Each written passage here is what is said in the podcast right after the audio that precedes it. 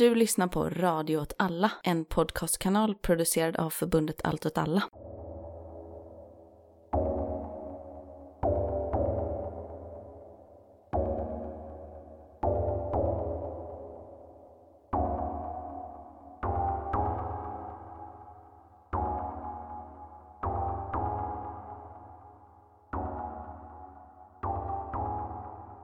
Hej, välkommen till Eldrörelse.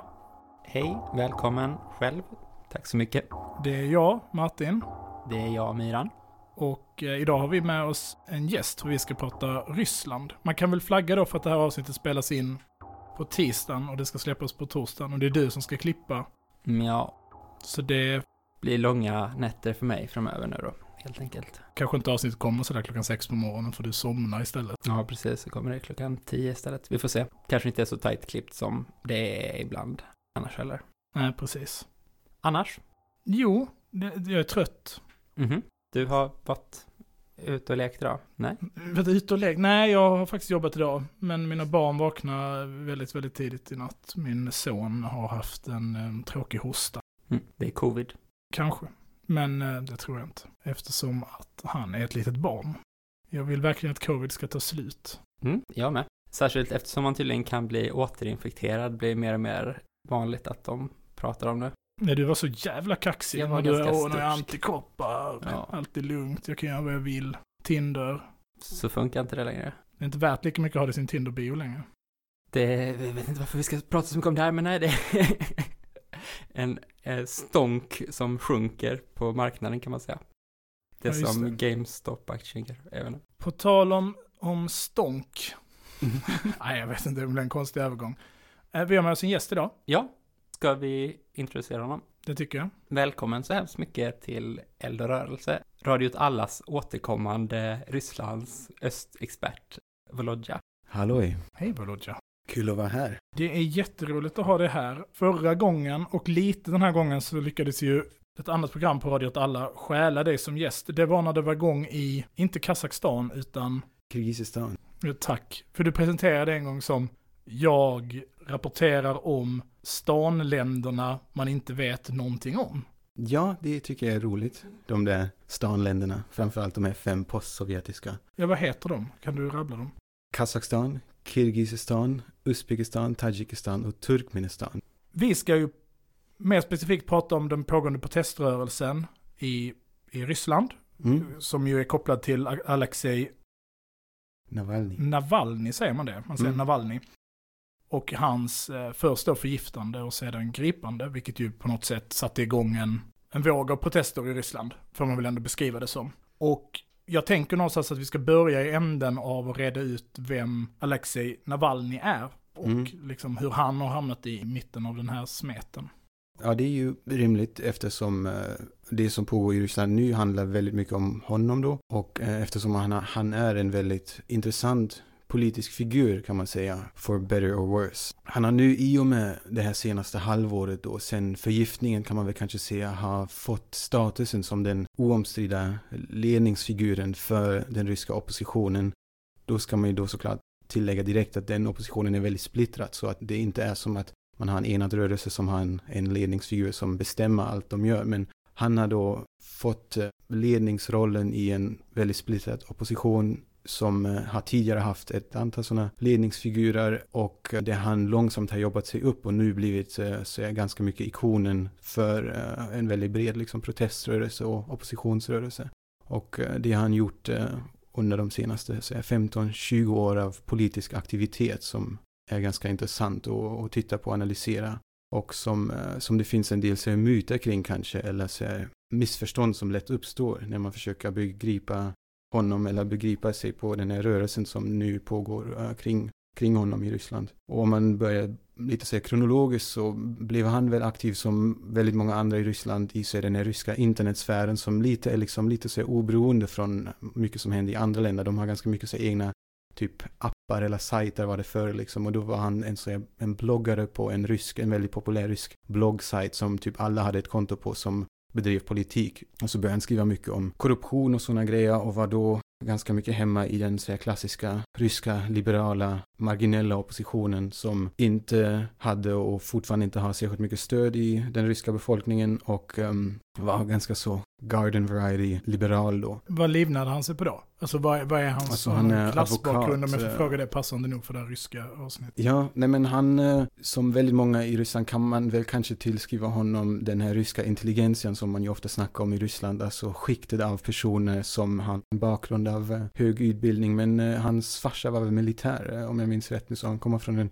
en militär familj, vilket kanske ändå skiljer honom lite från eh, ja, en del andra sådana här eh, figurer i liksom oppositionsrörelsen där man kanske ofta har föräldrar som varit forskare till exempel. Det finns ju mycket vetenskap i Ryssland och i storstäderna eller där man har använt sig lärare eller vad det kan vara. Lite sådana utbildade yrken. liksom. Så akademiker. Är Eh, Ja, precis. Mm. Akademiker bakgrund så är familjärt. Och det i Ryssland betyder ju inte att man är rik utan tvärt emot att man ofta inte är så rik men att man har mycket så här, kulturellt kapital Mm. och intellektuellt kapital kanske men inte så mycket finansiellt kapital. Då. Men eh, han är då utbildad advokat, liksom jurist och jobbade lite som det också men han har ju nu varit så här, politisk aktivist sedan rätt så länge. Och um, det intressanta med honom är ju att det har varit en del så här, vändningar i hans eh, politiska karriär. Navalny är inte så lätt definierat politisk. Eh, efter hans början i den här liberala miljön så hade han en period där han uh, försökte etablera sig som någon sorts nationalistisk ledare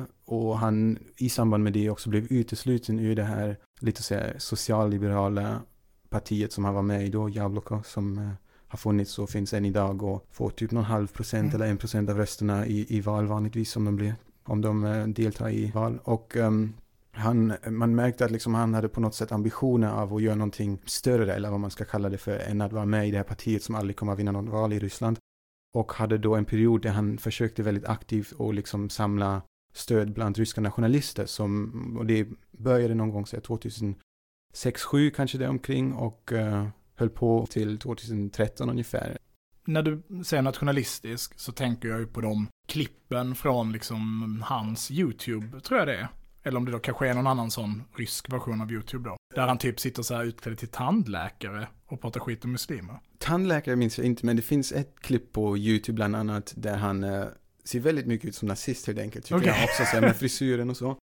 Så här, svart polotröja eller något eh, och pratar om eh, att man måste försvara sig mot här, odjur och, Mm. eller, eller vad heter det, man måste Ohyra. försvara sig mot, ja precis, mot parasiter och så. Eller mot så här, kackerlackor skulle man ta så här, eh, tofflan och om det kommer sådana här andra, sån annan ohyra och då eh, ser man liksom så en, en bild på någon som, alltså, som verkar som en kvinna i slöja eller något. Då ska man liksom använda det här och då visar han upp ett vapen liksom, alltså en pistol. Om man har lite så AFA i sig, då, som man ser på tyska, då liksom öppnar sig fällkniven i fickan på en när man ser något sånt där. Och det kan jag förstå, det har jag förståelse för. Ja, för när du säger nationalist, eller Ja. när du säger nationalist så, så menar vi alltså tokrasse.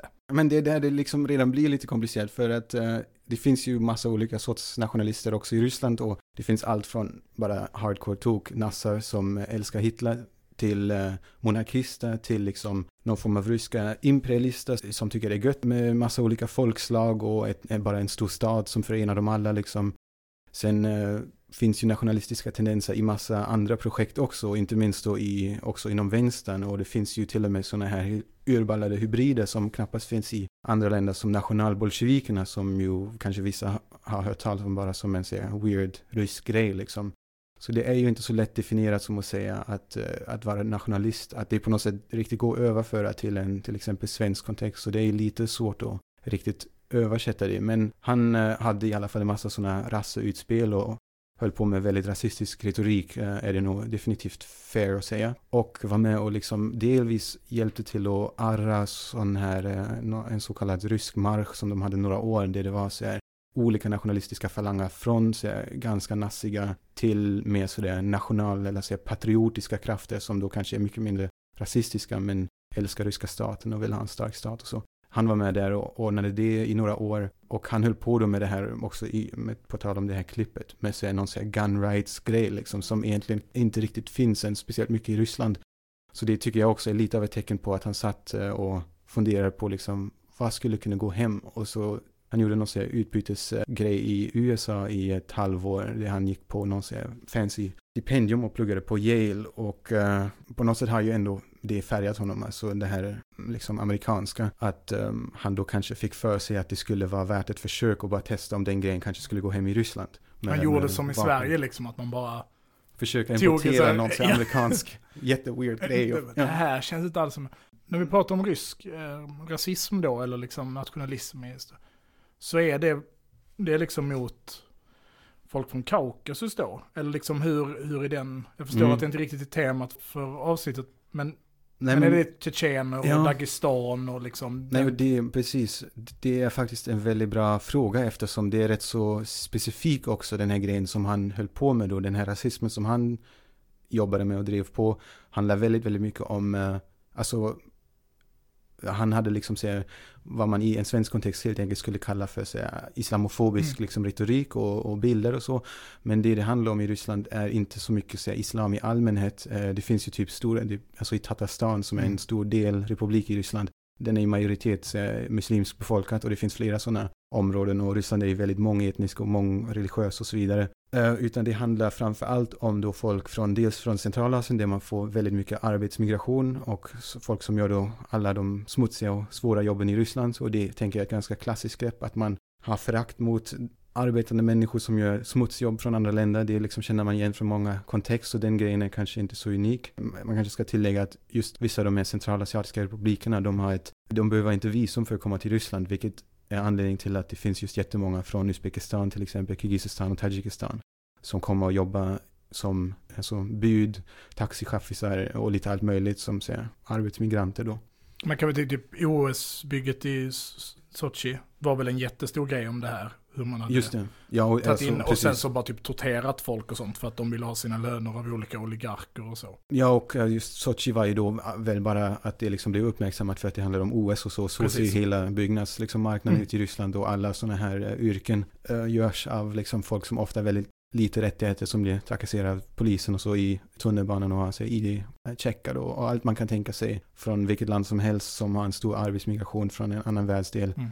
Där folk ser annorlunda ut och har kanske ett annat språk och så. Men och sen den andra liksom stora gruppen av invandrare eller av, eh, inte ens invandrare utan folk av en annan så etnisk bakgrund som man gillar att hata som rysk rasse är ju då folk från norra Kaukasus.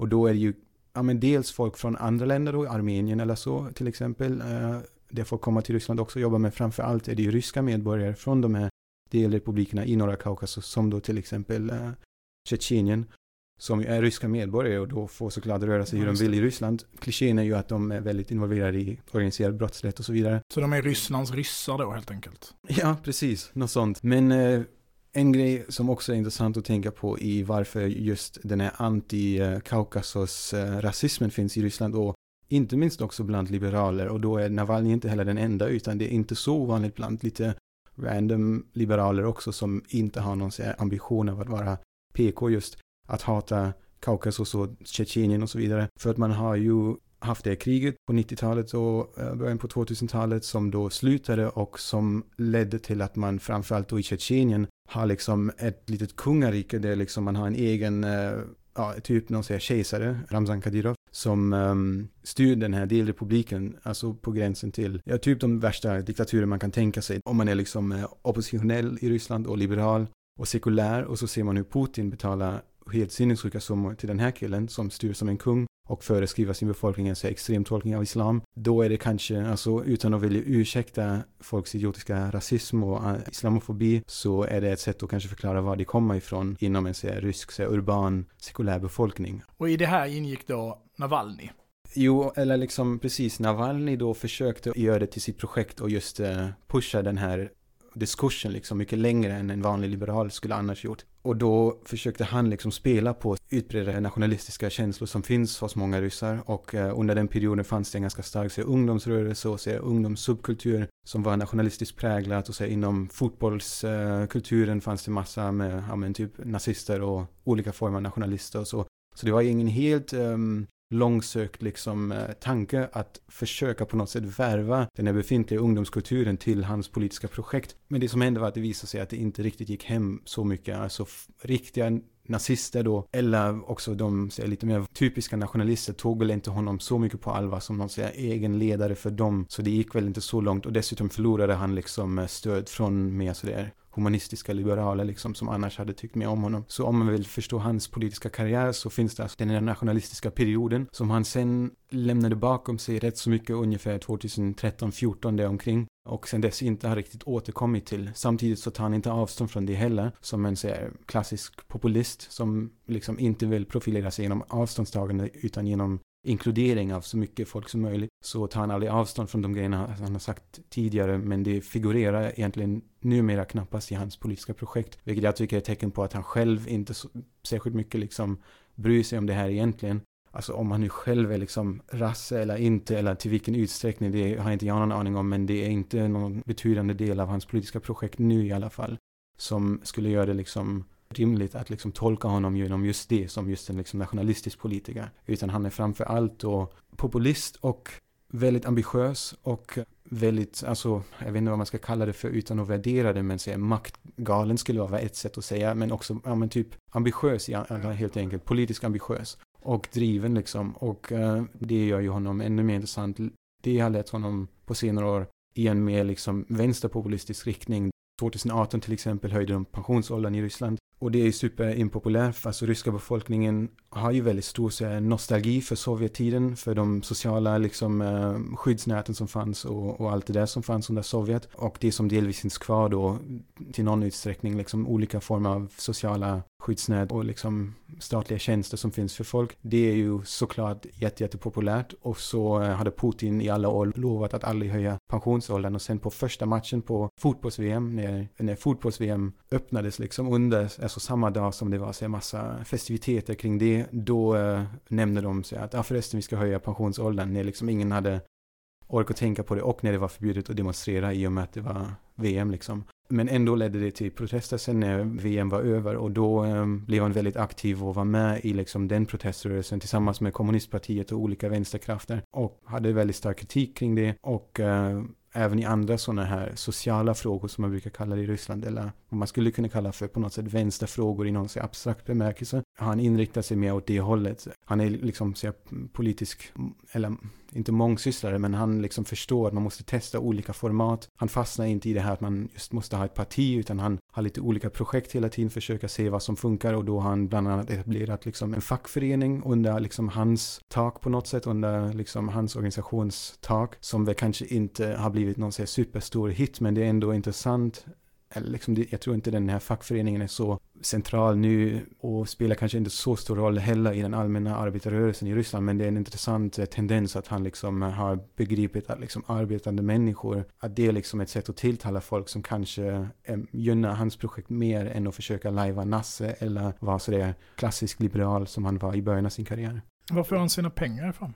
Ja men en sak som han, som Navalny har lyckats med då i uppbyggandet av sin politiska rörelse i de här olika liksom, formaten från olika försök till att grunda partier till liksom, det benet han står på mest nu är den här korruptionsbekämpningsfonden som det heter som är hans organisation som han leder. Den finansieras till ganska stor del av donationer vilket i Ryssland är ovanligt eftersom man länge inte hade någon sån kultur av att man skulle donera sina egna pengar till något ändamål och framförallt inte till olika politiska projekt kanske till så välgörenhet och till och med det är lite av en ny grej så att eh, man ser det bland annat hos Navalnys projekt men även andra politiska projekt att man numera faktiskt kan eh, få in donationer från folk och det är någonting som folk tycker är rimligt. Sen finns det anklagelser från hans eh, mot motståndare och från andra kritiker som säger att han har olika gömda, liksom större givare som betalar honom och då... Låt mig gissa.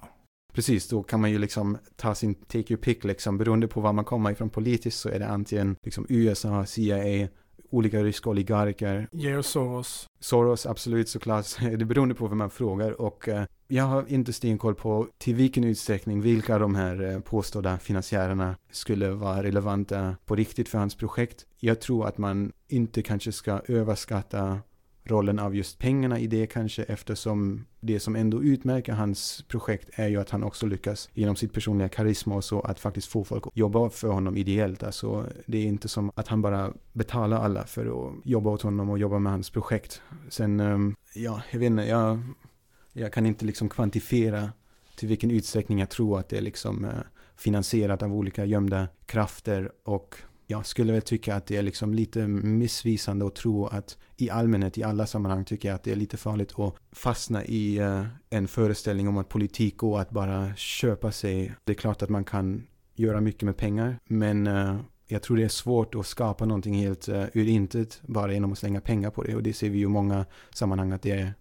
folk som återkommande tror att det går att göra så, som sen ofta inte leder till så mycket. En annan aspekt där jag tror att eh, det kanske är rimligare att fundera om det finns stöd för honom inom delar av den ryska eliten är kanske mer att um, ja, men det har funnits spekulationer så här, som jag själv kanske tycker är mer intressanta kring huruvida det finns folk inom maktapparaten i Ryssland som kanske delar vissa av hans kritikpunkter så om korruption eller ineffektivitet i den ryska staten och som gärna vill se liksom en uh, korrigering av den officiella politiken lite åt det hållet som han förespråkar och därför tycker att han är lite nyttig att ha liksom som en sorts korrigerande liksom um, påtryckningsverktyg utan att kanske för den delen vilja att han ska bli president eller vad det nu skulle vara. Utan Nej, till man... exempel de lättar på sanktioner och så som till exempel slår mot Ryssland och Ja men även alltså folk som typ, det finns, det har funnits alltid spekulationer i, i sig bland sådana här kriminologer eller så Rysslands eh, observatörer eller experter att, att vissa gillar att dela upp den här maktapparaten i olika falanger där man har den här typ falangen som är hemma i säkerhetstjänsten och de här säkerhetsorganen och att man eh, sen har en annan falang som är lite mer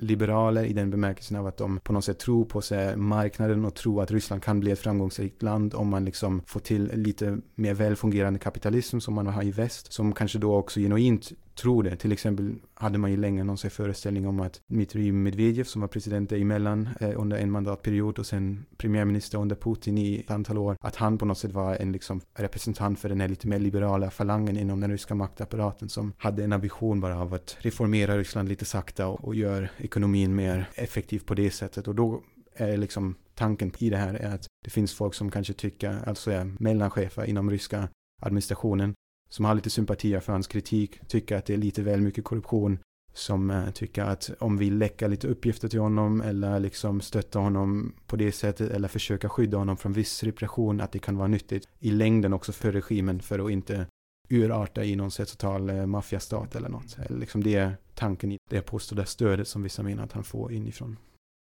Navalny blev ju på något sätt globalt uppmärksammad i och med förgiftningen av honom. Som det nu väl inte råder i princip någon tvekan om att det var FSB som låg bakom. Inte minst efter den här helt absurda Bellingcat när Navalny ringer en FSB-agent och låtsas vara hans utvärderingsofficer, eller vad man ska säga, och fick honom att bara utvärdera förgiftningen av ja. honom själv. Om vi liksom hoppar lite i Navalny, har fått lite av en bakgrund, så sker förgiftningen, han blir allvarligt sjuk, blir behandlad i Tyskland, och den här liksom proteströrelserna kulminerar på något sätt att han åker tillbaka till Ryssland, till Moskva, och blir gripen. Mm. Hur liksom är uppbyggnaden inför det här? Ja, precis. Det, efter han blev förgiftad så fanns det ju en stor här, chock bland ryska här, oppositionella, oavsett om man tycker om honom eller inte, bara för att det är liksom som att man träder över en ny gräns kanske vad gäller repression, att det är liksom ett nytt steg eller en ny eskalationsnivå av liksom vad man är beredd att göra mot enstaka opponenter i Ryssland som då chockerar många som håller på med oppositionell politik. Men det fanns ju faktiskt inte så mycket just protest eller det var liksom inte så mycket som hände på gatorna. Och sen var han det i Tyskland och verkade inte göra så mycket, man hörde inte så mycket från honom, han gav lite intervjuer och så. Träffade Angela Merkel en gång. Men sen började det bli snack om att han skulle återvända hem han släppte den här dokument, eller liksom sin video som eh, var en sidoprodukt av researchet som Bellingcat bland annat gjorde och olika investigativa journalister om att det mest troligtvis var FSB som förgiftade honom. Då blev det en del snack om det såklart. Och sen sa han, men jag kommer hem och nämnde väl någon dag, sa han när han skulle komma hem. Och det var ganska uppenbart att någonting skulle då behöva hända, att de antagligen skulle gripa honom. De hade sagt att han hade brutit mot sina villkor från en tidigare dom som uh, jag tycker är rimligt att säga att det var politiskt motiverat. Så att... Är inte en av dem är att han inte har närvarat vid en rättegång och under den, när det rättegångsdatumet var, låg han i koma på grund av förgiftningen? Ja. Eller är det bara att jag har ätit för mycket CIA-propaganda? Nej, men jag vet inte om det var just rättegång eller om man bara skulle säga, höra av sig eller träffa okay. någon sån här, så hur det nu detaljerna är jag osäker på, men att han behövde liksom fysiskt eh, dyka upp någonstans i samband med sin tidigare dom. Ja, det var ett villkorlig dom som han hade olika liksom krav på sig Mm. för det han skulle dyka upp vid olika former av eh, någon sorts checkup eller om Ja, det var rättegång. inställan, han skulle... Precis. Jag blir osäker nu vad det var exakt, men det var när han var i Tyskland där och då är det lite lustigt att säga att, att han eh, inte dök upp när han liksom ligger i sjukhuset i Tyskland. Men skitsamma, det var liksom eh, ganska uppenbart att de skulle göra något sånt. ehm, och eh, i samband med att han kom hem eller liksom han kom hem, det var jättemycket folk som ville liksom möta honom vid flygplatsen. De bytte flygplatsen han landade på i sista minut för att alla de som skulle träffa honom skulle stå på fel flygplats liksom. Så man märker ju att någon tycker att det är viktigt hur man liksom behandlar det här. Alltså att man ser att det prioriteras rätt så högt liksom någonstans ifrån och man kan ju tänka sig varifrån liksom. Och um, typ dagen efter eller två dagar efter eller något så släpptes den här filmen om då Putins palats hette ju filmen. Att han släpper sådana här videos är ganska, det är liksom en av hans huvudinstrument ehm, liksom. Att han har en väldigt aktiv YouTube-kanal där han oftast sitter själv, ibland är det liksom andra um, av hans liksom um, kamrater i hans organisation som gör oftast olika former av avslöjanden i liksom någonting som liknar sig investigativ journalism, men då alltid såklart med en väldigt politiserad liksom eh, retorik, alltså det är en blandning mellan så här, agitation och propaganda och genuin liksom grävande journalistik, så det är en rätt så intressant och unik blandning där. Och det har han gjort i många år och vissa av dem har fått väldigt mycket genomslag, till exempel när han släppte en om Medvedev, alltså den här mellanpresidenten som Putin satte på plats där när han behövde ta en paus från presidentämbetet som också var ett premiärminister och då släppte han till exempel en sån video om honom och där de grävde fram vad han hade för olika villor och liksom eh, fastigheter utomlands i typ Italien eller vad det är, eller Frankrike. Och det eh, ledde till en del protester 2017 tror jag det var. Och det har han gjort eh, med en, en rad olika här, oligarker eller liksom regeringsmedlemmar för att visa hur rika de är, hur mycket pengar de har fast de ska ha en ganska liten inkomst från sina liksom politiska För det är det jag tänker, det låter ju nästan lite, alltså om någon hade, jag, jag har sett delar av den här dokumentären på det här palatset. Mm. Och det är ju ett jävla fett palats. Men jag har bara svårt att se att man skulle göra samma om typ Trump eller Biden eller Obama. Och Mm. så, kolla vilket fett jävla sommarhus de har. Bara, Ja. Är det klart att de har det? De är ju president för USA. Men i Ryssland är det liksom en annan grej. Anledningen till att det är så känsligt är ju dels att man officiellt inte ska ha ett sånt sjukt stort inkomst eh, som bara, vad det nu är, premiärminister eller president, alltså ganska så okej, men ändå inte i närheten av vad som skulle behövas för att köpa just den där typen av palats. Och dessutom att det är lite politiskt känsligt att samtidigt som man retoriskt för någon sorts korståg mot dekadenta väst liksom, och Europa och allt vad det är liksom, så köper man sig ändå liksom ett hus i Toscana eller liksom eh, en lägenhet i London eller allt vad det kan vara liksom ha lite vingård någonstans i Italien liksom. Det ser ju inte så jättebra ut om man samtidigt ska vara så här superpatriot liksom och framställa sig som ryska folkets försvarare mot liksom väst och Europa och så vidare. Mm. Att man har köpt sig lite så här försäkringar eller så här sommarhus just i de länderna liksom. Och när man samtidigt anklagar alla oppositionella motståndare för att vara marionetter från väst eh, och så. Så det är ju väldigt känsligt. Ja, och det här palatset som han nu menar är då Putins, det var ju egentligen ingen ny information. Det hade funnits eh, sedan många år tillbaka att folk har grävt i det och att man har liksom haft rykten om att det nog kanske är just hans palats. Det som eh,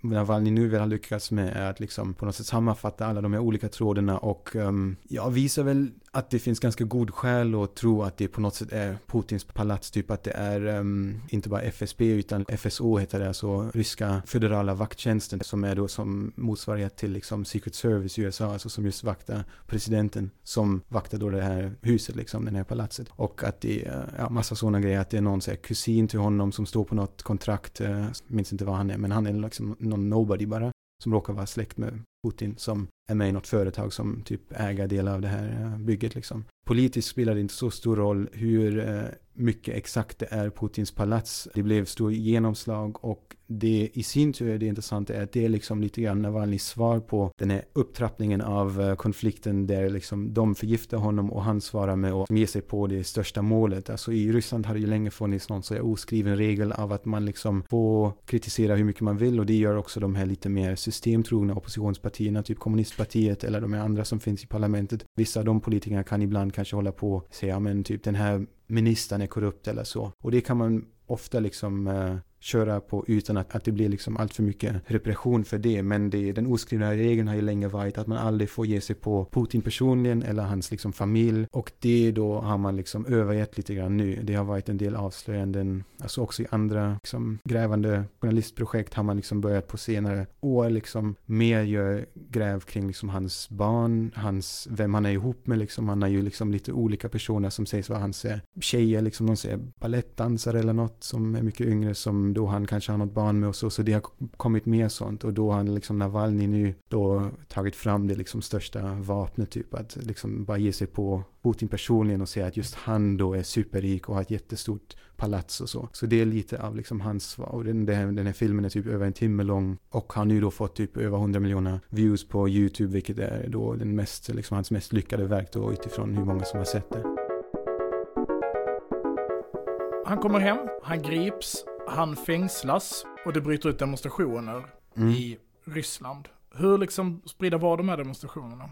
de här demonstrationerna som hände i samband med att han återvände och den här filmen han släppte och hans eh, fängslande, de eh, är ju lite unika, inte så mycket i total antal deltagande i absoluta siffror utan framför allt i liksom hur geografiskt spridda de är. Alltså att eh, man har ju sett en tendens de senare åren av att sådana här oppositionella protester från att ha varit ofta väldigt centrerat till Moskva och kanske Sankt Petersburg till en viss utsträckning. Att man har sett många fler sådana här typer av protester i mycket mindre städer utspridda över hela landet som är uttryckligen liksom politiska och oppositionella i sig politiska termer liksom. Jag tänker på Vladivostok till exempel, så var det ju en stor rörelse, det kan måste vara sex månader sedan, åtta månader sedan, runt något typ avsättandet av någon guvernör i Vladivostok, är det inte så? I Chabarovsk, ja, som är en annan hyfsat stor stad i närheten av Vladivostok, alltså långt i Far Eastern, vad heter det, alltså Ja. fjärran östan Ryssland liksom, där man precis hade en sån här lokal liksom guvernör tror jag att han är, eller om han var borgmästare. Ja. heller. Som då avsattes för att han kanske har mördat någon. Och det, kan, det kanske han också har gjort, men eh, poängen var att eh, finns många kriminella i Ryssland och just honom tyckte folk om och så avsatte de honom för att han liksom började bråka med fel oligark eller liksom eh, minister eller vad det var. Jag är faktiskt inte helt insatt i detaljerna på det. Men det var en otroligt stark eh, mobilisering där det återkommande var jättemycket folk, alltså sett till befolkningen av den här stan. En enorm liksom mobilisering som då också Navalny uttalade sig kring. Det var då inte hans projekt och det var inte han som styrde upp det alls utan det var väldigt liksom eh, organiskt lokalt där. Men han passade på som han gör liksom och gav sig in i det också och liksom uttalade sin solidaritet med dem. Och samtidigt som den grejen är lite av en egen dynamik så som det finns många sådana egna dynamiker på många platser i Ryssland kring olika lokala problem så har man samtidigt sett att det finns en ökande tendens i olika sådana mindre städer att eh, folk ger sig ut och protesterar. och det har inte minst att göra med att han, Navalny, då har lyckats med att etablera sin organisation på så många ställen. Alltså det var framförallt i samband med att han skulle delta i presidentvalet 2018 som han inte fick till slut men eh, som han gjorde någon sorts eh, låtsas valrörelse som bara för att göra en poäng. I slutet uppmanade han till bojkott av valet men han körde liksom, han gick igenom, han gjorde the moves liksom att eh, bygga upp sådana här lokala huvud, liksom eh, kontor, värva en massa unga liksom drivna så här, volontärer som skulle gå ut och liksom knacka på dörrar och massa sånt, liksom hålla små torgmöten. Och den organisationen som man byggde då upp i hela landet, den liksom finns kvar nu och det var nog kring dem, eller tack vare dem bland annat, att det har funnits nu en sån här mobilisering också kring hans återvändande. Är det Eh, de som heter typ Progress Party eller? Ja, han har ju ett parti som heter det och jag vet inte exakt vad som är det partiets tillstånd för att det roliga i Ryssland är att partier är ganska så känsliga för att bli saboterade. Alltså typ han har grundat flera partier och det har man gjort i olika politiska hörn att man försöker etablera ett parti. Ofta går det inte igenom för att man inte har tillräckligt med underskrifter som man behöver samla för att registrera det. Sen kanske lyckas man registrera det men de stänger ändå ner det. Någon gång, jag tror det var också ett av Navalnyjs partier, hade han lyckats registrera ett men så dök det upp någon annan som sa ja men jag har också precis registrerat ett parti med samma namn så det är faktiskt mitt parti. Så de liksom snodde hans parti som han hade grundat rent liksom administrativt och det som stod på pappret var plötsligt någon annans parti liksom. Så allt jobb var liksom för intet. Så att det är mer kretsar kring den här antikorruptionsfonden rent formellt väl, alltså den här mobiliseringen, snarare än att det skulle ske genom just partistrukturer. Men det är bara en, en liten detalj i hur så administration funkar i Ryssland och var det är lättare eller svårare att sätta olika former av hinder, logistiskt och administrativt liksom. Så att även om de här protesterna inte var i liksom deltagarantal så chockerande så var spridningen, alltså liknande, om, jag vet inte om man får kalla det en färgrevolution, men liksom liknande tendenser i Armenien till exempel, eller Ukraina, eller i Belarus nu nyligen. Ja, jag vet inte, det, nu kommer vi in kanske på en också lite mer konceptuell diskussion av hur man kan definiera och förstå sådana här händelser. Och jag kanske behöver komma ut med någon sorts position av att jag generellt kanske är eh, tveksam till så konceptet färgrevolution som eh, har väl sitt ursprung i väst då, eller vad man ska kalla det för, att se olika så liberaler, ledarskribenter eller analytiker liksom började se något mönster av att man hade sådana här så kallade färgrevolutioner i olika, framförallt postsovjetländer där man tyckte, och titta vad fint, nu gör de demokrati där folket står upp för eh, att bli som vi liksom. Och sen i sin tur har, liksom, har man i Ryssland väldigt aktivt liksom tagit det begreppet och försökt mynta om det till ett komplott där typ George Soros och eh, State Department och, och CIA och vem det nu kan vara styr upp sådana här, eh, vad de då kallar färgrevolutioner och då när de säger det blir det som någon sorts konspiration liksom. Och jag tycker att, eh, alltså både de ingången tycker jag ju är korkade från varsitt håll. Sen kan man ju undra vad det finns som förenar de här olika proteströrelserna och försök eller lyckade försök till att göra någon sorts revolution eller kupp i de här olika länderna och se maktskiften och få bort olika makthavare. Och ja, det, det är väl svårt att säga, alltså alla som befattar sig mycket med de här länderna påtalar alltid att de alla är unika och skiljer sig väldigt mycket. Sen kan man undra, ja, när man är liksom väldigt eh, inne på ett visst ämne eller en viss världsdel så är det klart att man ser en massa unika liksom aspekter och massa saker som särskiljer olika sådana här mobiliseringar från varandra. Sen jag vet inte om, om man tar ett steg tillbaka och betraktar hela regionen, om det finns liksom skäl för att försöka se enande liksom tendenser i det. Men en skillnad är ju inte minst att det här färgrevolutionskonceptet har ju på något sätt alltid i sig att det skulle vara någon sorts antirysk mobilisering, att det är någon sorts, vad ska man kalla det, någon sorts um, Frigörelse från ryskt inflytande. Ja, och från något sånt här sovjetisk arv, mm liksom, att, alltså i den liberala liksom, historieskrivningen har man liksom ärvt en så onaturlig rysk eh, dominans över de här länderna. Och det har man ärvt från det här hemska, dåliga imperialistiska Sovjetprojektet. Och det kan man tycka vad man vill om till vilken grad det är en, liksom, en vettig beskrivning av situationen, men liksom det här konceptet affärrevolution innebär ju ofta att man försöka projicera eller hitta liksom tecken på att det är någon sorts frigörelse, rörelse, eller liksom frigörelse i geopolitiska termer från då Kreml och då blir det ju lite lustigt att eller det blir ju på ett sätt svårare konceptuellt att projicera det på en rysk liksom eh, ja, mobilisering. Ja. Eller som sagt, ryskt försök att göra sig av det postsovjetiska oket då på något sätt. Alltså för eller så tänker jag att väst resonerar mycket om det. Att man ser, trots liksom den falska historieskrivningen i det, så ser man liksom, ja men Putin han är den nya Stalin. Det är ingen skillnad. För nu är det bara en ny skurk som sitter vid makten. Mm. Förutom då att det var den västvänliga förra presidenten som mm. satte honom till makten. Ja. Direkt liksom. Men att i, liksom, i den här enkla historieskrivningen om rysk historia och Ryssland så blir liksom Putin också ett sovjetiskt arv på något sätt. Jo, precis. Och då ska det då ske en rysk resning mot det postsovjetiska oket då på något sätt. Eller ja, och, så. Jo, men det resonemanget kan man nog hitta i en del Atlantic Council eller så, ja, olika sådana här eh, väldigt eh, dedikerade liksom end of history, EU, alltså liberala geopolitiska debattörer som eh, älskar NATO eller vad det kan vara. De vill ju gärna se någon sån utveckling. En intressant grej, jag vet inte huruvida det är en liksom kärna eller ett sidospår i den här diskussionen. En intressant detalj i, um, i Navalnys liksom politiska projekt nu är att just i den här filmen om Putins palats då, då är en grej som han nämner eller som han liksom försöker få fram i den här historien. Han liksom gör lite av en så kort biografi, politisk biografi av liksom Putin. Och då betonar han dels liksom hans förflutna i KGB och säger att han är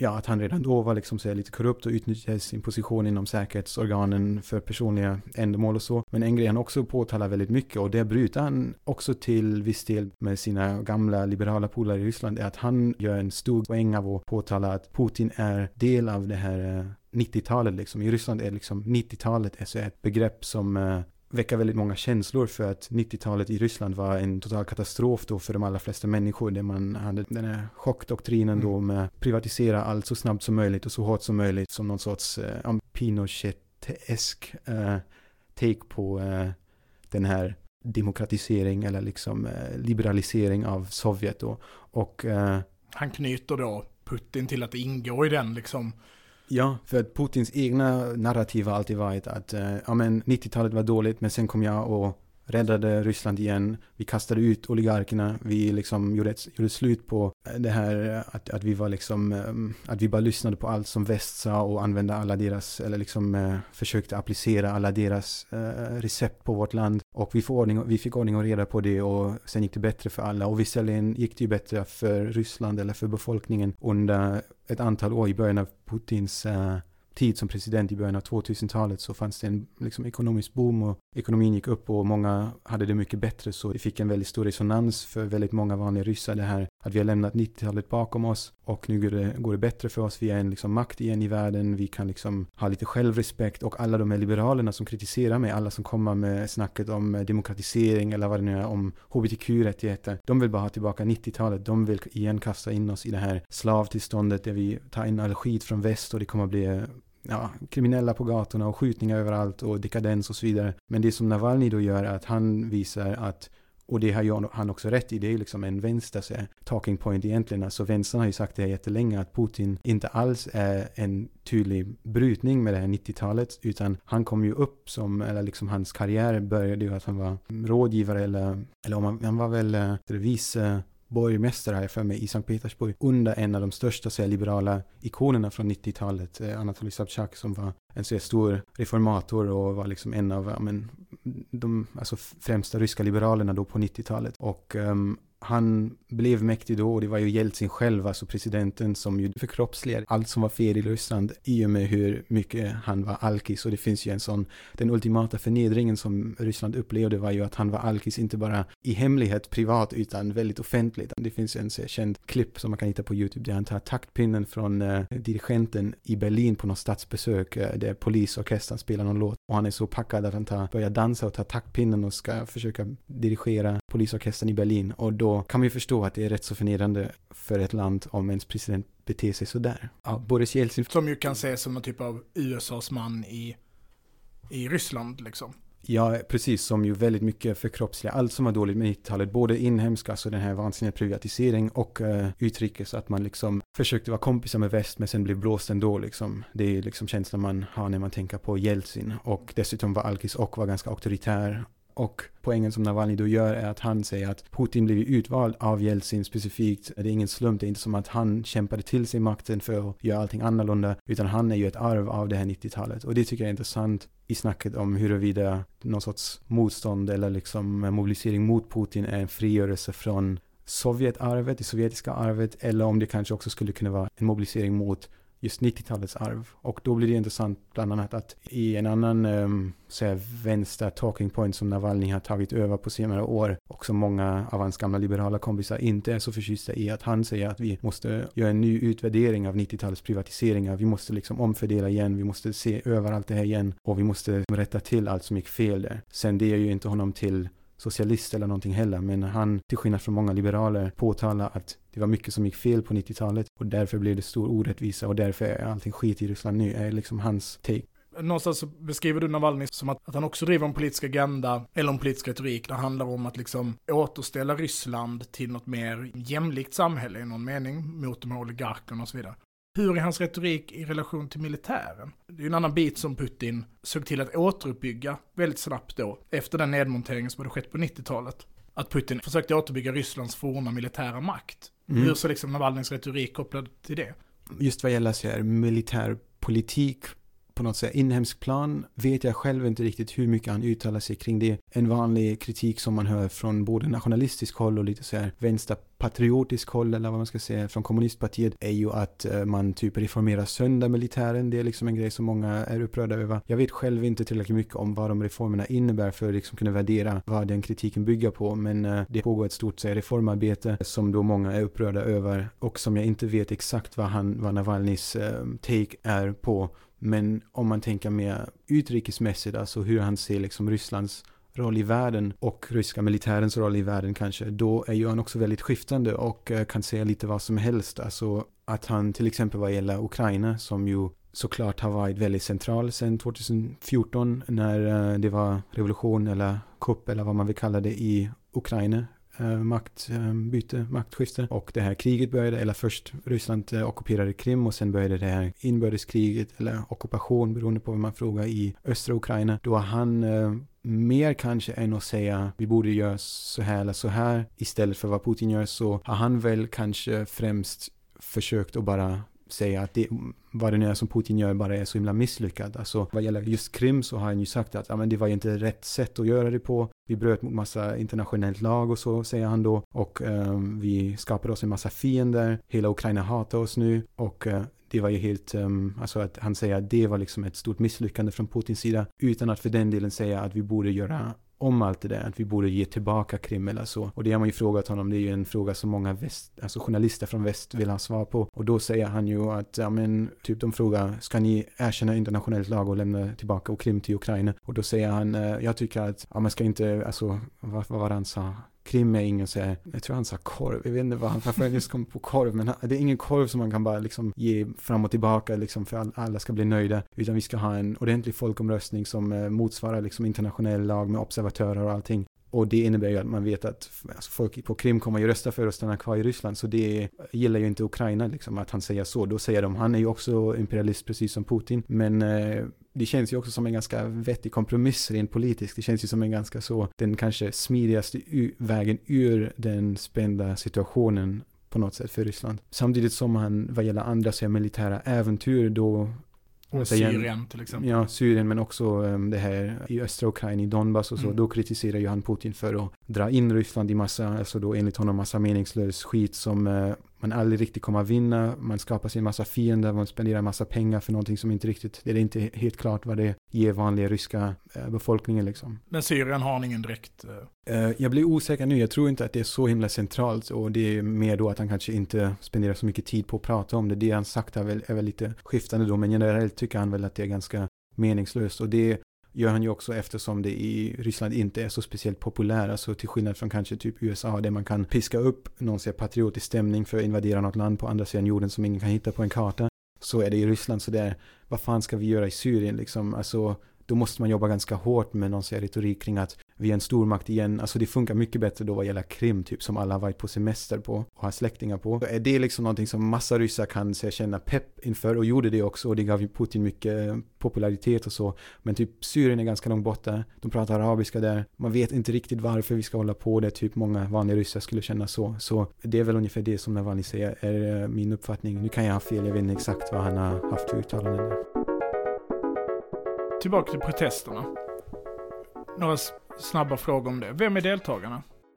Ja, det är en omdebatterad fråga. Man har gått runt, eh, sociologer har gått runt och gjort sig lite snabba enkätundersökningar och så kommit fram till att det är väldigt många väldigt unga personer och personer som tidigare inte deltagit i protester. Så att det är som en ny generation av deltagande där. Och eh, politiskt är det ju såklart alla Navalnys supportrar som gillar honom, men de verkar vara i minoritet så att det är kanske 30-40% av de som deltar i de här protesterna som säger vi gillar Navalny eller vi tycker att han är ganska bra och sen är det en uh, liten majoritet och en lite större andel som säger ja men jag bryr mig inte speciellt mycket om honom eller jag ogillar honom till och med men jag tycker att det är fel det som händer och jag tycker att vi måste kämpa emot det.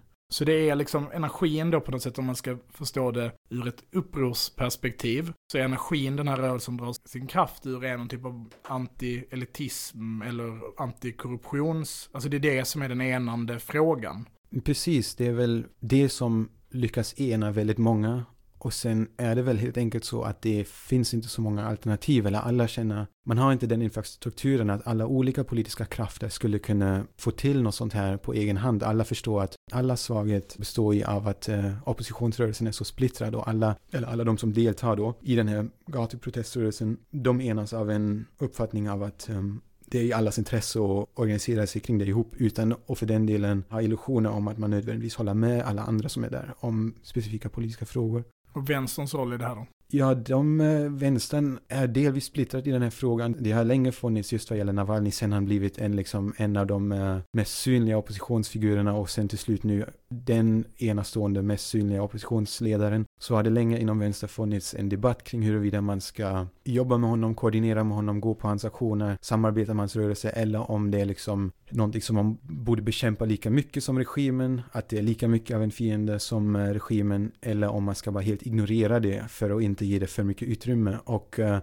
min uppfattning är att det är bland de flesta progressiva krafter från olika, lite så vad man skulle kunna beskriva som socialdemokrater, socialister, olika marxister, trotskister, radikala, så kommunister, anarkister, att eh, det finns numera, skulle jag vilja påstå, eller i mitt intryck, att det finns en majoritet där som anser att det är vettigt att delta i den här rörelsen eller i den här proteströrelsen och försöka få in sina egna liksom krav och positioner. Och eftersom man har sett att Navalny själv i sin retorik har flyttat sig åt vänster på senare år känner man att det finns en öppning där. Antingen att man kan lyckas pusha honom mer åt det hållet. Att man kan på något sätt ta över den mobiliseringen han själv skapar genom sin lite svaga eller vaga liksom vänsterpopulism som han kört på nu på några år. Att man kanske kan få öva till sig många av de här unga personerna som attraheras till det hos Navalny. Att sen bli mer liksom politiskt medvetna och mer radikala och liksom ansluta sig till mer radikala vänsterkrafter. Men samtidigt finns det fortfarande en, eh,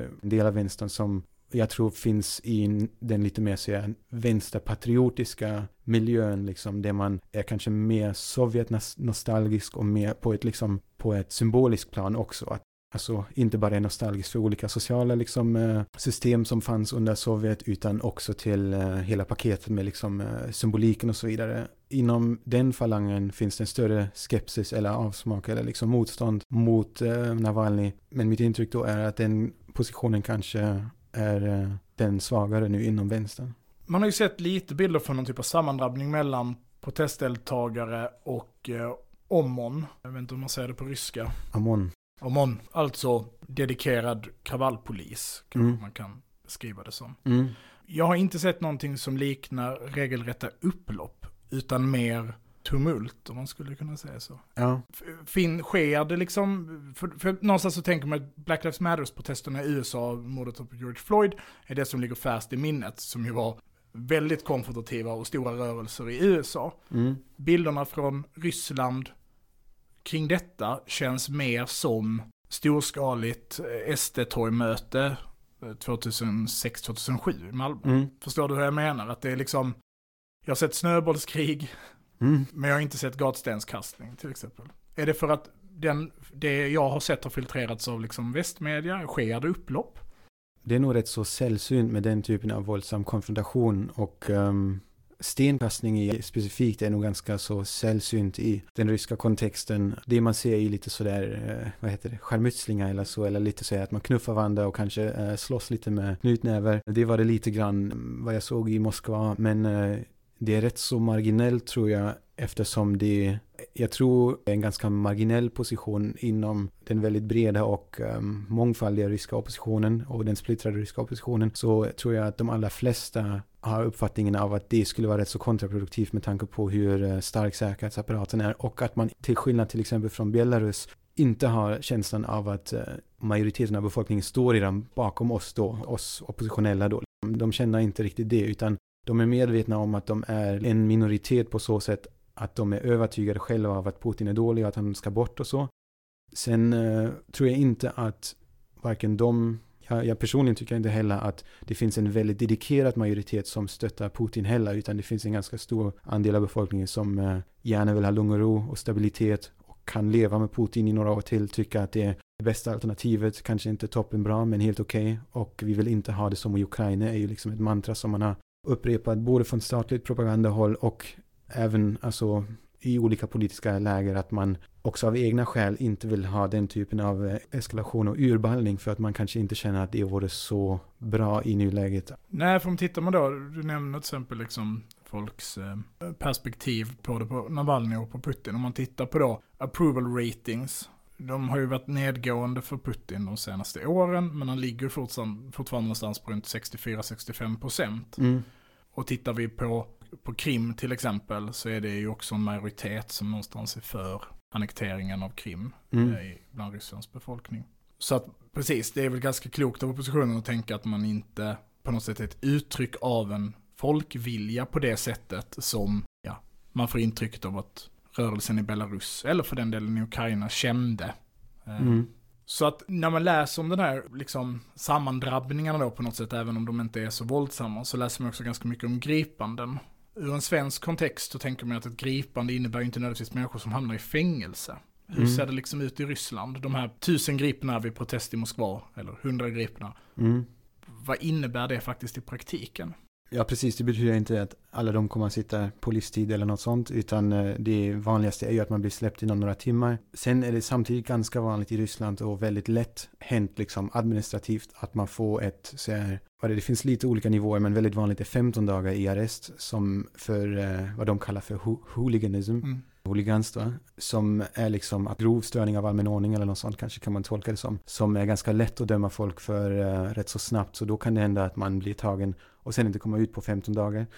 Och det är liksom inte världens grej samtidigt som det kanske inte är jättehärligt om man hade planer de kommande 15 dagarna liksom. Och um, det som man kan vänta sig nu är någonting som man har sett i samband med tidigare sådana här um, mobiliseringar framförallt 2012 i samband med den senaste stora så oppositionella mobiliseringen i samband med um, först parlaments och sen presidentvalet som uh, ganska uppenbarligen var så riggade och många reagerade på det och det var många som demonstrerade. Då fanns det en stor um, demonstration som urartade i någonting som lite grann liknande så kravall, också i en europeisk kontext, inte så våldsamma. Man kastade lite, jag vet inte om man kastade stenar, jag tror inte det, man kastade sig vattenflaskor och sådana grejer välte några så bajamajor och så och typ slogs lite med polisen. Då um, var jag vet inte hur många blev gripna just i samband med det på den dagen, men senare, så några veckor och till och med några månader senare så blockade man ut ett antal personer, typ så 12 eller något, och de satt man dit sen i många år för att ha varit så uppviglade eller så. Och det var dels folk som faktiskt var ledande, så bland annat vänsterpersoner, Alexej Gaskarov som var väldigt aktiv i AFA i Ryssland och har varit liksom vänsteraktivist. Han fick, om det var fem år kanske eller något sånt i fängelse för att han själva liksom, domen byggde på att han stod och skrek någonting och sa typ spring ditåt eller något. Jag tror det han egentligen skrev var typ spring inte mot polisen utan backa.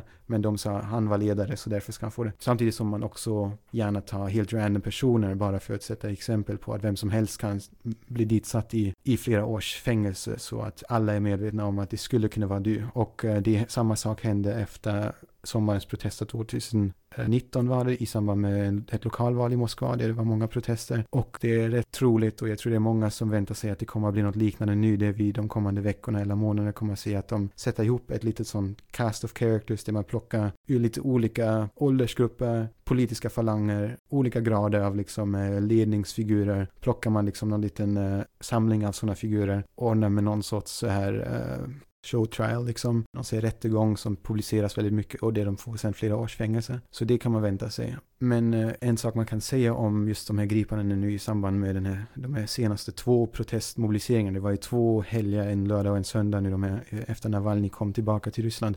Då var antalet folk som blev gripna väldigt mycket högre i relation till hur många som var ute än vad det annars brukar vara. Så det var en Hårdare. På så sätt liksom ett hårdare nedslag, även om liksom det fysiska våldet var väkant. Det var väl lite mer våldsamt än tidigare gånger. Det fanns till och med um, hästpoliser. Ridande polis? Ridande polis, som jag aldrig sett i Ryssland. Så det var det tydligen någonstans. Jag har inte sett bilder på det här. Men så det jävla jag... konstigt att liksom, och det var inte så länge sedan Hamburg skaffade det heller. Och det är också jättemärkligt att man idag skaffar den här.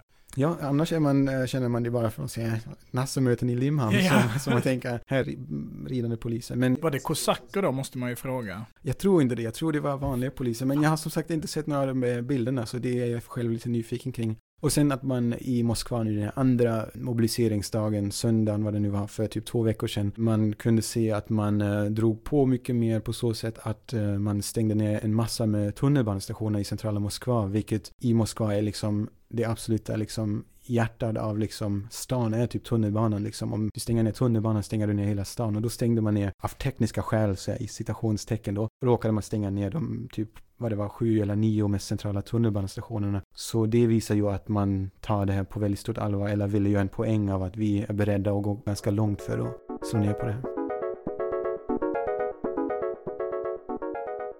Hur ser retoriken ut ifrån rysk stat? Alltså hur, hur målar de upp protesterna? Är det det här liksom vapenifierade färgrevolutionshotet, Soros och så vidare, som trots allt liksom, ja men har sett i Gerasimov liksom analys av väst och hur de föreställer sig att eh, den nya militärkonflikterna kommer se ut, de här gråzonskonflikterna. Ser man det liksom porträtteras det som att Navalny är en amerikansk agent eller han är pådriv av eh, väst. Han är här för att eh, liksom försvaga Ryssland.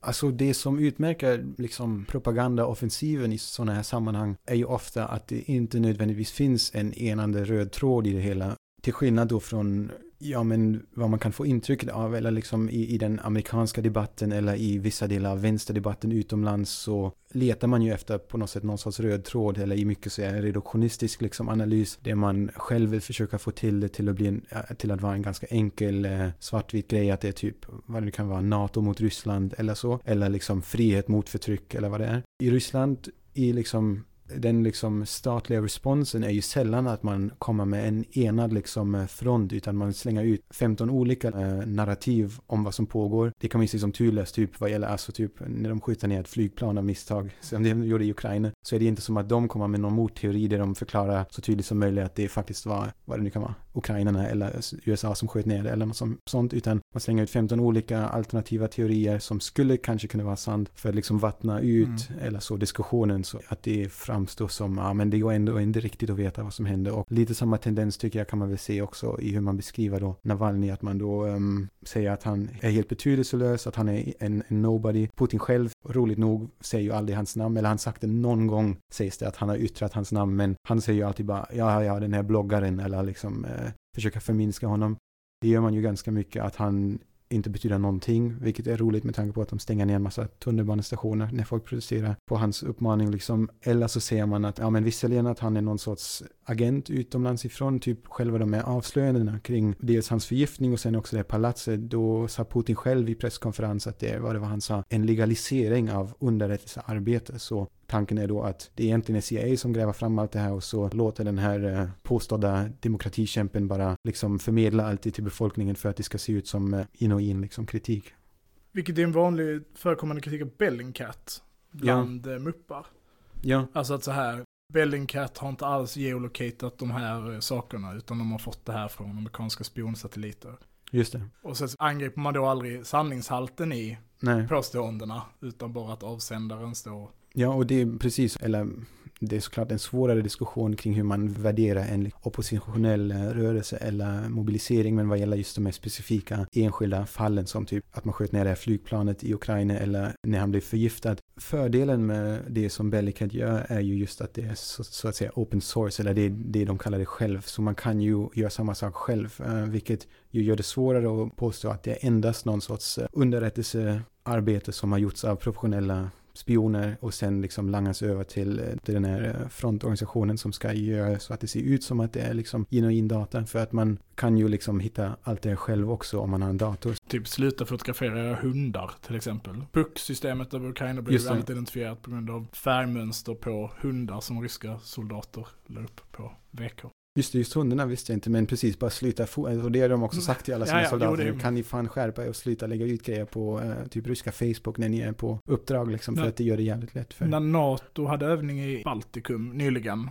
den här vi överför om Ryssland tar Baltikum, så lyckades ju via typ Tinder lyckades ryska säkerhetstjänsten identifiera var alla brigader befann sig någonstans. Just det. För att soldaterna liksom... Ja, och sånt, alltså, sånt hände ju väst också. Ja, typ. Det fanns ju den här träningsappen som, eh, vad fan den nu hette, det man Typ när man var ute och var på löptur så kunde man lägga upp sin löptur på den här appen och sen kunde man gå in på deras sajt och se var i hela världen alla använder den här appen och så kunde man se i olika ställen i Mellanöstern kring specifika militärbaser att det var tydligen en massa jänkare som sprang alltid på samma... Inte så smart. Nej, precis. Och det är ju något som alla brottas med, jag tänker, det är inte unikt. Skillnaden i Ryssland är ju att det är så jävla korrupt att man kan köpa en massa data på mm. svarta marknaden. Och det är det de har gjort då. Och det, det, är ingen hemlighet liksom att man kan göra det. Så det tycker jag är en ganska svag eh, kritikpunkt att det skulle vara ett, det som CIA gör, vad fan de nu håller på med. De, eh, jag tror att Bellingcat och de personer som jobbade är liksom duktigare eller lika duktiga än vilken som helst eh, underrättelseanställd är också. Jag tror inte man ska överskatta hur magisk en underrättelsetjänst, vad, vad de har för magiska liksom, medel i en värld där man kan göra ganska så mycket liksom, hemma från sin, sin dator. Liksom. Eh. Utan att vara någon som helst expert på det här, men ändå har läst ganska mycket om olika CIA-operationer, så är det absolut min ståndpunkt också, att jag är inte så imponerad av CIAs track record. Där Syrien till exempel är ett skrattretande exempel. Just det. De skulle skapa sin egen lilla rebellstyrka. Just det. Som, det blev ingen vidare med det. Det är tio killar eller någonting för 16 miljoner dollar eller vad det var. Ja just det, det är riktigt waste of money. ja, men precis, den här liksom fake news, eh, fog of war på något sätt som man kan skapa genom att sprida ut många olika narrativ och på så sätt skapa liksom känslan av att allt går att ifrågasätta. Ganska likt situationen vid Kapitolium. Nej, de var aldrig inne, nej, det var det här, det var antifa. Alltså att det helt enkelt blir svårt att navigera för att det finns så mycket spår eller störningar att gå på. Nej men jag tänker att det är väldigt lätt att hela tiden fastna i att och det har vi pratat i många olika avsnitt om, att olika rörelser eller länder eller vad det nu kan vara helt saknar egen agens, utan drivs på något sätt av externa krafter, vilket känns som en väldigt vanlig liksom, antiimperialistisk tanke. Mm. Jihadisterna i Syrien vill egentligen det här, SDF är det här, och, så, och Assad liksom driver bara Rysslands vilja, som att de som helt enkelt saknade egna, egen mål och drivkraft. Och att liksom på grund av att man identifierar sig som motståndare i Sverige, till exempel med DN eller för den delen Carl Bildt eller vad det nu skulle kunna vara. Och i, Mm. i det större förloppet en kritiker mot liksom, hypermakten USA och det liksom, politiska inflytandet den har haft globalt. Så är det lätt att tänka att Navalnys rörelse ska räknas bort eller räknas som tillhöra den. Mm. För att man hela tiden förstår den ur ett, en, liksom en västerländsk kontext. Och då liksom tillbaka till min liksom, favoritkonflikt om man får säga så liksom, men att det är väldigt lätt att förstå till exempel Sydvietnams befolkning som liksom rena hantlangare av USAs geopolitiska vilja. Mm. Riktigt så enkelt är det inte för liksom den kristna minoriteten till exempel i Vietnam, att de Mm. är, är som en direkt projicering av amerikansk kraft, utan de hade nog liksom egna tankar och viljor om sina liv. Hur tänker du liksom på den idén, eller den liksom föreställningen om den rörelsen som är nu? Du är liksom någon i egenskap av eh, vänster. Ja men precis, det tycker jag är en väldigt liksom, eh, farlig tendens att se när det liksom återupprepas eh, de sådana klyschiga tankemönster.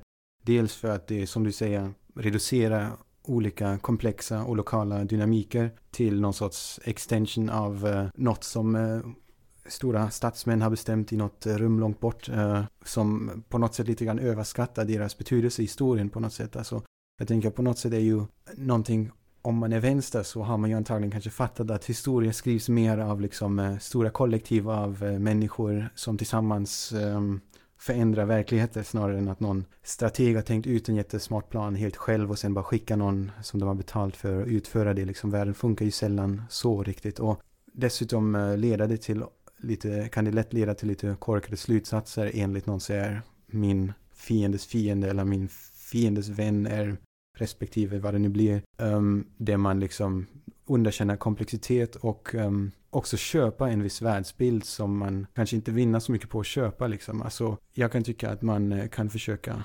intellektuellt och politiskt liksom emancipera sig från att köpa en formulering av en verklighet som någon annan gärna vill etablera genom att följa samma logik fast tvärtom eller någonting liksom. Alltså typ skit i vad Carl Bildt säger liksom. Eh, och uh, producera egna analyser och försöka förstå skeenden ur ett lokalt eh, perspektiv. Och på så sätt tycker jag att den här hysterin i USA har ju varit lite nyttig och liksom eh, exemplarisk där man nu har en massa hysteriska liberaler som försöker till varje pris hitta någon rysk agent bakom varje vänsterupplopp eller liksom alt-right-figur eller liksom eh, konstig karneval som, som ägde rum i Kapitolium liksom, där folk klär ut sig till olika saker, att det liksom, att man eh, inte kan ta in att något sånt skulle kunna uppstå i det egna landet av egna interna dynamiker liksom. Och det finns ju anledningar till att man som amerikansk liberal kanske inte är förmogen till att resonera sig fram till att att deras land skulle kunna producera något sånt på egen hand. Men eh, just som vänster kanske, vänster, vänsterperson eller någon med någon form av marxistisk samhällsanalys eller historisk analys borde man ju kunna komma fram till en mer komplex eh, analys och problembeskrivning liksom. För jag tänker också att man liksom olika strömningar inom vänstern uppvisar den här förmågan i relation till olika grupper. Det är inte så jätteofta jag träffar kamrater som är så, SDF i Syrien är amerikanska hantlangare, fast de då de facto har ett jätteutvecklat militärt samarbete Ja, med amerikanska försvarsmakten, eller för den delen antiimpar som är så här, det som händer i Donetsk eller Lushansk eller vad det kan vara i, i östra Ukraina, det är en blandning av ryska militära intressen och reella politiska konflikter inom Ukraina. Alltså att, Mm. de här, att man själv, i de konflikterna har man förmågan att ha den här komplexa eh, mm. och se nyanserna och framförallt se liksom vart det strategiskt skulle kunna leda någonstans. Mm. Men när man speglar det liksom tillbaka så blir det väldigt viktigt att saker är så. Defund the Police är inte revolutionärt. Därför är detta en liberal rörelse. Den ska vi inte ha något att göra med. Eller. just det. Och så vidare. Det är liksom väldigt kategoriskt. Medan i sitt eget lilla projekt är det väldigt enkelt att se Mm. nyanserna liksom. Ja, och just det som pågår nu i Ryssland, ehm, det, det borde ju vara liksom eh, på något sätt ehm, ett tecken på att det inte är så pass enkelt när man har, om inte liksom en, en enad konsensus från alla vänsterpersoner att man ska typ gå ut och demonstrera med Navalnys eh, projekt liksom med hans följare. Då finns det åtminstone en väldigt stark sån um, tendens inom väldigt stora delar av vad jag skulle säga är den vänstern som är mest jämförbar med liksom det man kanske identifierar sig med i typ Sverige eller Europa. Alltså de krafterna som mest uh, eftersträvar liknande liksom progressiva mål till väldigt stor del ser den här rörelsen som uppstått kring Navalny och den öppningen som han symboliserar eller skapar oavsett hur obehaglig han kan vara som eh, person, som liksom väldigt eh, maktfokuserad, ambitiös person och liksom eh, politisk manager. Bortsett från det kan man, så liksom finns det väldigt många vettiga personer som ser det som en möjlighet som man borde utnyttja och agera i istället för på någon form av um, kalla krigsresonemang mm. eller vad det kan vara att bekämpa eller liksom se det som fienden eller se det som irrelevant eller så. Så det är ju om något ett tecken på att det är någonting intressant som pågår.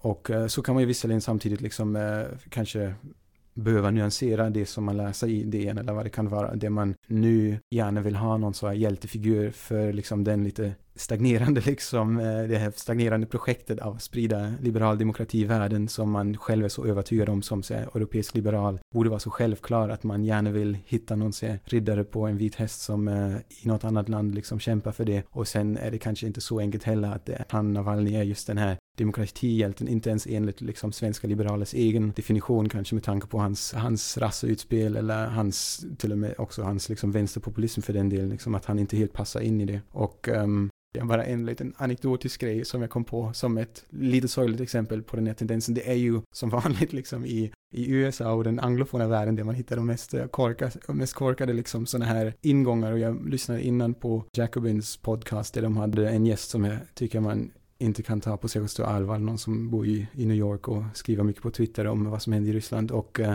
framförallt då den här personen som eh, är värden för podcasten då pratade mer om vad New York Times hade skrivit om Navalny, liksom i hans intro liksom. Jag vet inte hur många gånger han nämnde New York Times och hur mycket de gillar honom och så. Och då undrar jag, kanske det, liksom, det känns som det handlar mycket mer om sin egen relation till då sina egna liberala eliter eller media, New York Times och så vidare, eller i vårt fall då kanske DN eller vad det är, än vad det handlar om vad som faktiskt pågår i någon annan kontext. Och då tänker jag att uh, det är ju en diskussion som man kan ha, liksom hur, ja, hur saker framställs och vilken diskurs som är hegem, liksom hegemonisk och så. Det, det, kan man ju diskutera, men man ska inte blanda ihop det med vad som faktiskt är verkligheten på olika platser liksom. Nej men också, då tänker jag det här med liksom vänsterns rädsla för att göra fel när det sker sådana här brott mot status quo på något sätt, vilket är ju det på något sätt, om man liksom sammanfattar det du säger om Navalny så är det så här, det bästa vi har att hoppas på är att det här ger en öppning för en annan typ av politiska rörelser i Ryssland och en annan typ av politiska konflikter i Ryssland. Mm. Ehm, och jag tänker på till exempel gula västarna som visst, å ena sidan blev omfamnat och liksom det här är jätteprogressivt, så samtidigt kommer den här rädslan. Vad är det här egentligen? Vad vill de? Nej, det här är inte våra vänner, det här är våra fiender. Istället då för att kasta sig in i de rörelserna och försöka forma dem.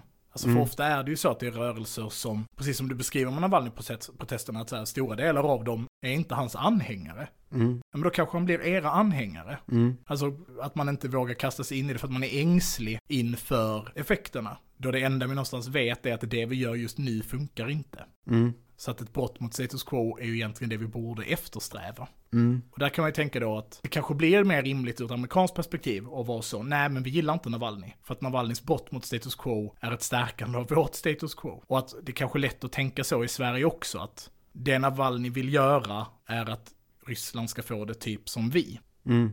Medan det i Ryssland kan innebära stora mobiliseringar, stora konflikter, vilket förhoppningsvis kan leda till jättestora politiska förändringar i Ryssland. Så vill vi liksom förstå det på något sätt som att det är vår verklighet som blir påverkad av det.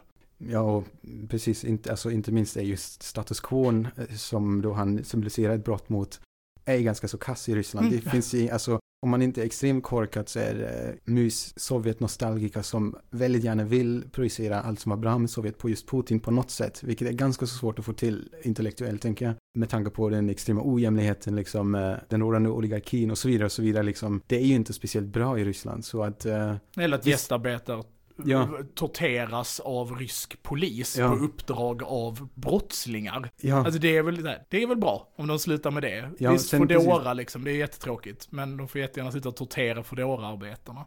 Ja, och mm, alltså, såklart kan det alltid bli sämre. Det finns ju alltid, den risken finns ju i, i alla former av eh, mobilisering och även om man har jättebra politiskt projekt kan det ju ändå sluta ganska katastrofalt och det har vi ju, har vi inom vänstern ju också varit ganska bra på att liksom eh, påvisa. Så att det är klart att det alltid finns med, men som du säger tycker jag att poängen är väl att försöka intervenera och kämpa för att få eh, in sina politiska krav och liksom progressiv förändring i de öppningar som eh, finns. En eh, intellektuell input som, som jag tycker är lite givande fast jag har också blandade känslor kring det är podcasten eh, Aufi Bunga Bunga som jag tycker ofta är väldigt intressanta diskussioner.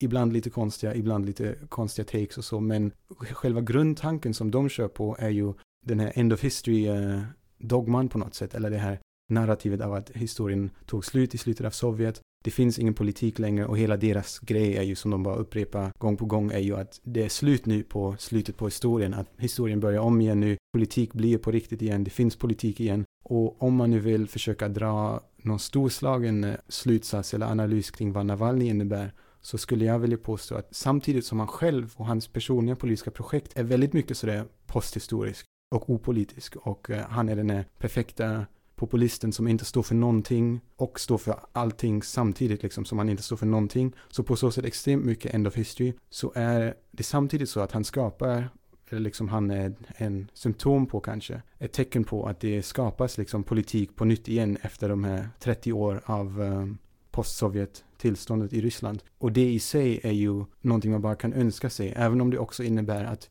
att få politik igen betyder också att få dålig politik igen och att få eh, dåliga krafter igen är det på något sätt ändå tycker jag ett steg framåt att kunna bedriva politik igen och det är någonting som de här väldigt unga deltagarna som inte har upplevt någonting annat än Putin och det här postpolitiska tillståndet där eh, ja, det politik inte tillåts helt enkelt. I Ryssland inte tillåts rent praktiskt och fysiskt för att det förbjuds och förtrycks. Och hos oss, eller typ i USA, inte tillåts rent så diskursivt. Att man inte kan tänka politiskt om inte man ska bli extremist liksom. Att det um, är intressant att se att det nu kommer en generation som kommer att politiseras inom den här rörelsen av en liksom politiker som själv förnekar politik på något sätt för att han inte har riktigt någon ideologi förutom typ korruptionsbekämpning och att allting ska bli bra och att vi ska bli ett normalt land som typ i Europa. Men vad det, vad det nu innebär, typ lite normal kapitalism, lite hyfsat snäll kapitalism som har lite så lag och ordning och så rättsstat eller vad det nu kan vara, så skapas det ju ändå också utrymme för politik och för att kritisera och för att kräva politiska saker liksom. Och det tycker jag är väldigt intressant på ett globalt plan. Precis som jag tänker att det man har sett i USA de senaste några åren med att man har typ någon som kallar sig för socialist som vill bli president samtidigt som man har någon är konstig.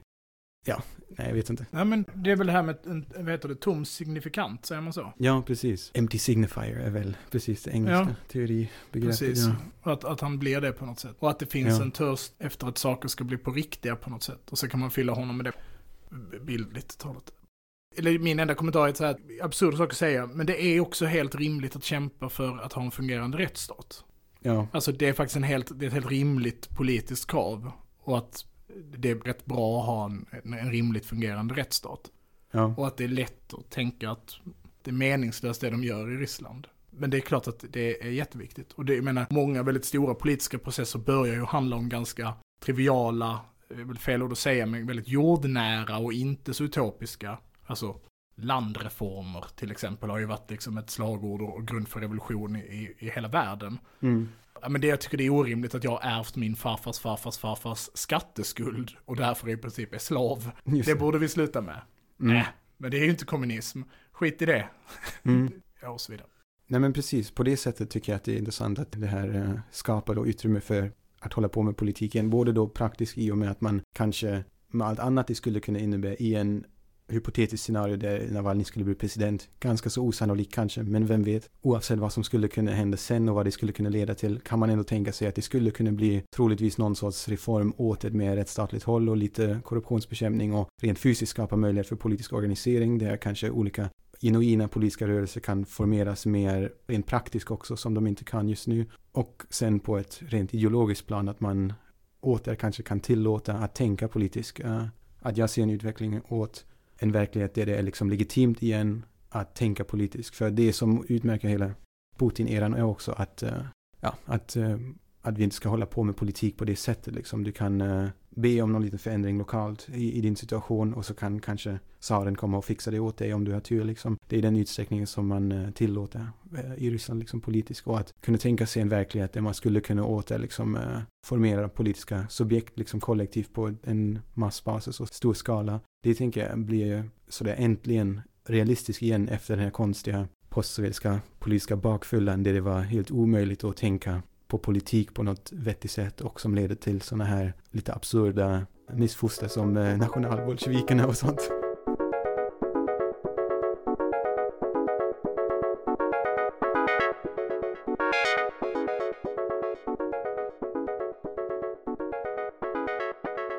Avslutningsvis, vad händer nu? Ja, det är väl alltid farligt att spekulera, men uh, någonting som, som är intressant att tänka på är parlamentsvalet i september, där man skulle kunna tänka sig att den här proteströrelsen som uppstod nu skulle kunna ha en påverkan. Navalny själv står ju väldigt mycket också för en, han har liksom en strategi som han uh, uppmanar folk att, uh, att använda eller delta i som handlar om, han kallar det för sig smart voting, typ uh, alltså, ja, klokt röstande. Som är då alltså en, en strategi där man ska rösta taktiskt och um, i, i hela landet på olika håll ska man alltid rösta på enligt honom då eftersom det inte går att registrera egna politiska partier och inte, han inte heller kan göra det och han förstår det så försöker han eh, få folk att rösta på vilken som helst kandidat som står på um, valsedeln som inte tillhör det här maktpartiet enade Ryssland. Och då uh, troligtvis kommer det gynna om någon, antagligen kommunistpartiet ironiskt nog, kanske också några av de här andra systempartierna, det här nationalistiska så kallade liberaldemokratiska partiet, eller ett sånt här lite fake sosseparti som de etablerade någon gång för att ge lite utlopp för eh, uh, se vänstra känslor i befolkningen. Men uh, troligtvis kommer det gynna framförallt kommunistpartiet uh, och uh, det är en intressant utveckling. Dels då för kommunistpartiet, det har vi nu inte pratat om så mycket, men vad det skulle kunna innebära är intressant att tänka på, men i allmänhet bara för den här maktstrukturen som man har uppbyggt, den, den här så kallade så här, managed democracy som man brukar säga man har etablerat i Ryssland, där man har en viss demokratisk liksom, inflytande från befolkningen men alltid under väldigt ordnade former eller försök till, att, till ordnade former med lite fusk och lite påtryckningar av olika former så att om de lyckas liksom få bort många av de här enade Rysslands kandidaterna och det partiet är väldigt impopulär, mycket mer impopulär än Putin själv som fortfarande som du sa hade, har ganska mycket stöd i befolkningen. Då skulle det kunna bli intressant för att om man får ett parlament eller om det finns en risk för att man får ett parlament där de plötsligt inte har en sån supermajoritet som de har nu, då skapar det intressanta ja, men incitament också för de här semi-systemtrogna partierna som kommunistpartiet och så, som på något sätt har en deal med makten och försöka egentligen själva inte störta den ordningen. Men om man inom Navalnys strategi då skapar ett incitament för enskilda kandidater på olika håll att eh, kanske dra till sig de här rösterna, att bli den här näst bästa kandidaten, då skulle det kunna uppstå en politisering också av dessa kandidater. Liksom. Och man har sett att några av de kommunistpartier själv, eh, chefen och liksom officiellt partiet sig, i sig stöttar inte Navalny alls, eh, utan om något snarare kritiserar honom. Men enskilda kandidater var med och liksom var med på protester och några åkte väl för att träffa honom på flygplatsen när han kom tillbaka och så. Så man ser att det finns lite sådana tendenser inom kommunistpartiet, vilket jag tycker är intressant. Så får man se vad det kan leda till. Och sen 2024 ska det bli presidentval, så det är långt kvar, men då får man se vad det kan leda till. Tack så jättemycket för att du har deltagit. Kul att du var här. Har du något du vill göra reklam för? Det har inte så mycket med Ryssland att göra, men ett litet sidoprojekt som jag håller på med, en Radox, om man vill kolla på lite minidokumentärer om olika fenomen och rörelser som är intressant från ett vänsterperspektiv, eh, då kan man kolla in oss på YouTube. Det är Radox media, tror jag är sökordet. länkar vi i beskrivningen av avsnittet. Om man hade velat att höra Myrans vackra stämma i det här avsnittet så får man gärna bara swisha oss ett par tusenlappar så vi kan köpa en, eh, Mm, ett sådana ljudkort. med Eller- ingångar istället. ett mixer, mixerbord som vi kan eh, ha mer än två XLR-mickar inne samtidigt. Men jag har haft en mycket viktig roll i det här avsnittet i alla fall eftersom jag har suttit och eh, viftat lite med handen ibland. Och druckit sprit. Ja, det har jag också. Det måste ju någon också göra. Skitbra. Man kan följa mig på Twitter. Där heter jag Trojkan1337. Myran heter... At slukhål. Vad heter du på Twitter? Jag heter så det är helt tråkigt för och efternamn, Valodja Wagner. Ett Valodja Wagner. Kolla in vår Instagram som inte vi sköter men som delar jättemycket intressanta bilder. eld. och rörelse. Tack så jättemycket för att ni har lyssnat. Ha det gött, skepp och hoj. Tack och hej! Hej då! Hej då.